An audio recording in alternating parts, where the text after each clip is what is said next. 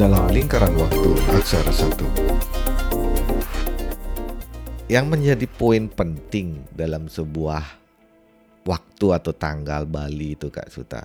Hmm. Saya paling paling gampang cuman melihat sasih. Jadi istilahnya purnama dan bulan mati atau tilam. Jadi ada Ya. titik merah dan titik hitam. Tapi di balik dari itu banyak sekali caranya bagaimana yang paling simpel tulisan yang di manakah yang paling dilihat. Jadi seumpama contoh eh tadi Kak Suta sempat nyebutkan yang paling poin adalah eh, Saptawara, Pancawara dan Uku. Ya. Nah, ada nih satu eh yang paling banyak orang mau ingin mengetahui apakah mungkin karena eh, pendewasaan ini yang paling yang paling banyak orang ingin melakukan secara cepat-cepat yaitu dewasa pernikahan Kak Suta. Ya kalau Apa poinnya? kalau secara umum kembali saya bilang eh, jadi tadi ada pertanyaan kenapa kalender Bali tulisannya banyak. Hmm. Tapi kalau bagi eh, beberapa orang yang mengerti dan memanfaatkan kalender sendiri mereka akan merasa bahwa ini masih kurang gitu loh. Oh, masih kurang. Ini masih banyak kurangnya misalnya. Tapi kalau dari kata lengkap ini sudah sangat lengkap. Cukup ya. Ya cukup, lengkap. Kenapa saya bilang cukup lengkap? Bahkan eh, tentang ramalan cuaca pun ada di dalam. Oh iya, iya iya iya betul betul betul. Ya, secara, ya, ya, secara ya. mendetail pun ada misalnya contohnya di sini ya. Ya, kita ya, melihat bulan lihat. Juli ya. Nah, coba lihat. Bulan Juli ini ada dituliskan di dalam eh, kalender ini minggu ke 28. Dalam minggu Hmm, Sebentar, ke 20 Saya potong dulu. Ini terlepas dari siapa penerbitnya. Itu Ya. pakem, pakem ya. terlepas dari semua penerbit, yang Oke, ada di Bali oke, ya. Oke. Ini ada minggu ke ya anggap ke 27 mulainya ya. Ya. Jadi tanggal 1 Juli itu mulai minggu ke 27 di tahun eh, apa namanya 2021. Ya.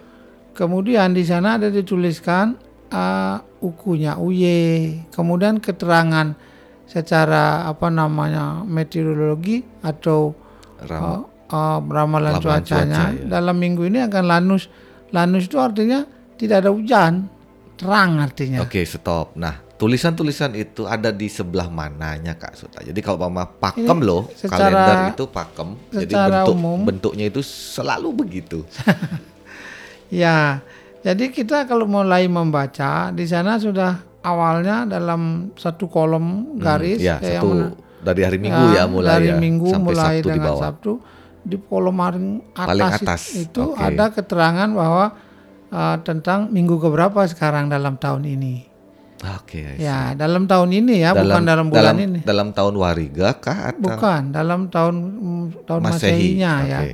Karena minggu itu sudah uh, hitungan Masehi. Oke. Bukan hitungan wariga saja gitu Iya. ya. Jadi tahunnya adalah uh, minggunya adalah minggu ke-27 awal awal bulan. Mhm. Nah, ke- mungkin sebelumnya minggu ke-27 itu adalah uh, di bulan sebelumnya. Iya. Jadi karena ini bulan tanggal satunya adalah hari Kamis, maka sudah uh, Rebo, Selasa, Senin, Minggu itu adalah pada bulan sebelumnya. Iya. Jadi minggu 27 itu ada sebelumnya ada juga di bulan ini. Oke.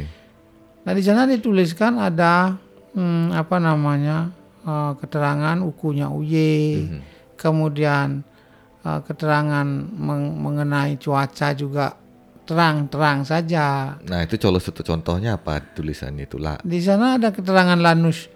Nanti ada tiga jenis, ya ada lanus, Lanus ada apa namanya eh gede apa? Basah Ba- gede, basah gede. ada Oke. uh, ehep, Ehep. ah, jadi begitu. Berarti lanus itu adalah cerah, Cerah. cerah. Kalau ehep itu artinya Berawan. berawan. Basah gede itu artinya Hujan. hujan, lebat. Karena Ya. basah ada ada ada basah gede, ada basah cenik. Saya Nah, lihat. bahasa cenik itu Gerimis. gerimis. ya. Oke.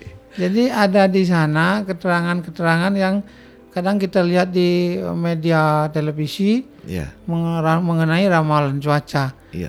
Jadi di dalam kalender ini sampai sedetail itu sudah diberikan walaupun gambarannya secara secara umum ya. Iya, jadi persenta prediksi lah. Nah, prediksinya.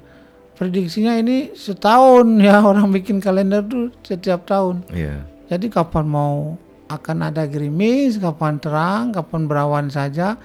Jadi orang-orang yang menentukan hari baik untuk kegiatan, misalnya seperti apa yang uh, Pak Mangku tadi katakan akan menikah, oh ini boleh ini lanus. Kenapa? Karena tidak akan ada hujan. Jadi Oke. bukan bukan ada unsur klinikisasinya ya. Jadi mereka melihat dari kenapa bisa menentukan itu karena di sana ada dalam perhitungannya ditulis bahwa uh, arah daripada pergerakan uh, apa namanya kalau dibilang nagenaut ya uh, di mana ekornya, di mana kepalanya, iya, apakah iya. pengaruhnya menimbulkan cerah apa berawan, Iya. apa hujan dan lain sebagainya. Nah, apakah perhitungan ini berlakunya hanya seputaran Pulau Bali, Bali, ya, atau bisa berlaku untuk uh, Indonesia, Oh, kalau kita luaskan wilayahnya adalah Indonesia Indonesia, Tengah. Iya. Indonesia Tengah. Eh, Atau, saya ya. juga kurang kurang tahu pasti Iya, kenapa. Dan hitungan ju- Bali juga kadang-kadang Bali apakah Bali Timur? Ya. Oke. jadi ada begitu. Kemudian ada lagi keterangan Oke, itu itu dari tulisan yang ada di kolom paling atas menunjukkan eh, apa ramalan cuaca. ya Oke, nah ada lagi Kak Suta yang saya baca tuh di kolom paling atas ada apa nih yang kata Kak Suta ada rangda tiga, semut sedulur. Nah, di dalam oh, perhitungan Bali artinya begini. Secara umum kalau kita bilang eh, ada ukuran tiga ya, ukuran tiga ini akan terjadi pada uku-uku tertentu. Nah ya karena sempat Kak Suta juga menyebutkan cara cara menghitung atau mengetahui jatuhnya rangda tiga. Maksudnya hari itu rangda tiga dengan perhitungan waku eh apa perhitungan wuku yang ditaruh di arah Dihitung di arah ya ya. mata angin arah mata angin. Jadi untuk menggampangkan kita mengingat yang mana ukuran rangda tiga adalah kita menghitungnya dari barat. Mhm. Dari barat setiap arah mata angin tuh kita hitung mulai Sinta. Pokoknya mulai 9 arah mata angin. Eh, 9 ya? 1 2 3 4 5 Delapan. 6 7 8. 8 ya, 8. 8 arah mata angin ketika dia jatuh Dari di selatan dan barat daya maka itu ukunya rangda tiga. Oke. Ketika di selatan dan barat daya maka ukunya akan rangda tiga. Misalnya kita hitung dari barat Pokoknya mulai dari barat ya. Sintanya itu dari barat. Ya kalau enggak it- kalau tidak seperti itu katakanlah ukur nomor 6 dan eh 7 dan 8 Kelipatannya. nah, ya. itu akan menjadi rangda tiga. Ya, ya. Ya, misalnya Sinta Landap Kir Kulantir Tolu Umrak Wariga, Wariga, dan. Warigadian. Nah, itu pasti sudah eh, apa namanya rangda tiga. Nah, rangda tiga itu adalah artinya tidak kalau boleh. tidak kalau di dalam eh, bahasa ya ini bahasa kawi bahasa lama Mhm. Itu rondo rondo rangda atau jama dengan janda artinya Mhm. ya jadi kalau misalnya rangda tiga itu artinya janda tiga kali Mhm. maka untuk menentukan misalnya orang menikah itu pada uku itu tidak dibolehkan Sudah pakem, sudah sudah aturan sudah aturan ya. bahkan itu sudah dijadikan ketentuan uh, wajib oleh uh, parum pendeta atau parum sulinggih di Bali. Oke. Kemudian ada lagi yang secara umum ya, Ya. uh, itu ada was nganten. Was nganten. Oke. Nah, kalian di dalam uh, wariga Bali atau uh, ada ekawara itu wariga ya, Oke. ada sadwara nanti. Berarti was itu adalah eh satwara. Ya, sadwara Sadwara itu kita mulai dari Tungleh, Aryang, Sebentar lihat dulu. Urukung, Paniron, Was, Maulu. Jadi itu ada enam. Sabtowar. Sat itu 6 ya. Ya, oh itu. ini dia.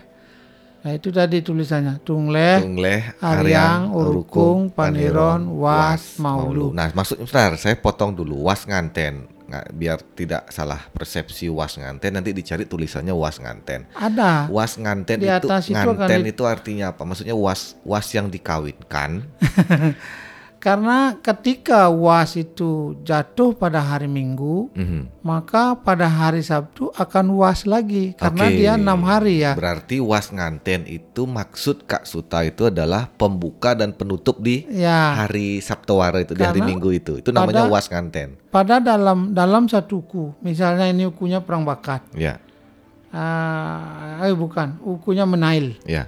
Menail ini hari Minggunya adalah was.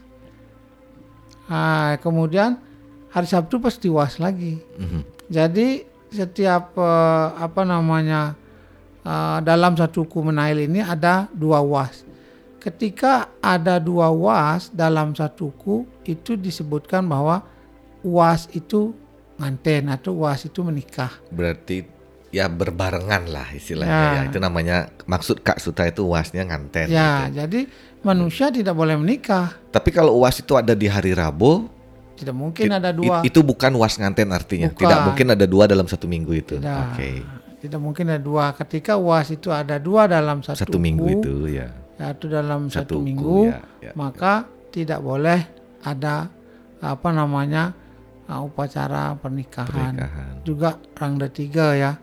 Atau Berarti ada dari hari Minggu sampai hari Sabtu itu tidak boleh. tidak boleh. Atau di dalamnya, maksudnya hari Minggu boleh, hari Sabtu boleh, tapi Senin sampai Jumat tidak boleh. Jadi memang Minggu itu tidak boleh. Satu sebetulnya sesuai dengan Barum Sulinggih itu tidak boleh ya. Tetapi ada beberapa ketentuan di mana itu boleh saja dilaksanakan.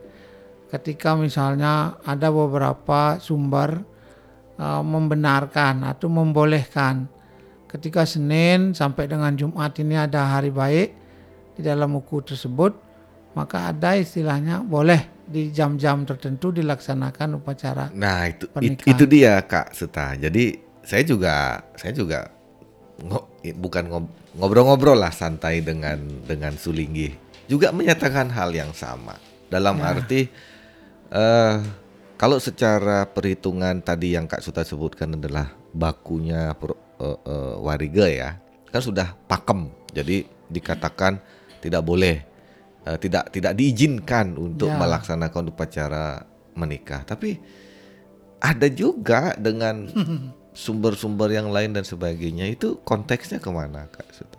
Ya, kenapa kita bilang yang namanya kita mencari padewasan atau hari baik, tentunya kita harus mengikuti eh, ketentuannya.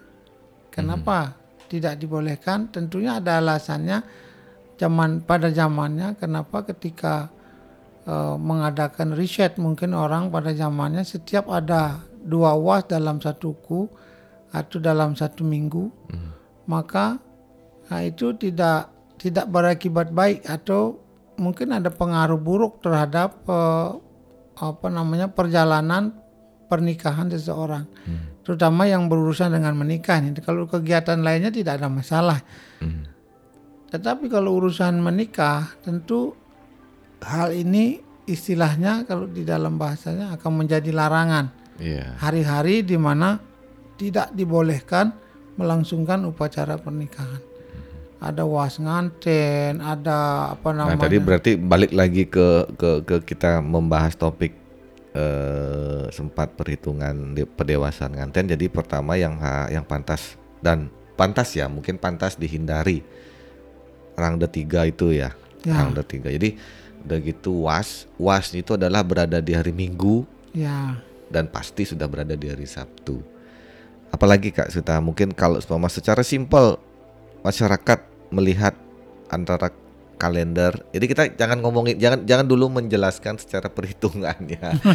ya kan? Jadi istilahnya tadi sudah disebutkan kelipatan eh, wariga di 7 dan 8 itu pasti rangda 3 ya, dan was nganten. Habis itu apalagi yang Kak Suta yang sering saya pernah dengar. Jadi kalau pama orang mau bilang, wah setelah megatuakan baru boleh, baru ada pendewasaan. ya. Biasanya kalau orang bilang kan ada di Bali itu kalau istilah padewasan ini mulai dari sebelum uku galungan Mhm. ya mungkin beberapa hari sebelum uku galungan itu sudah uh, pedewasan untuk menikah itu mungkin sudah bisa dikatakan uh, tutup.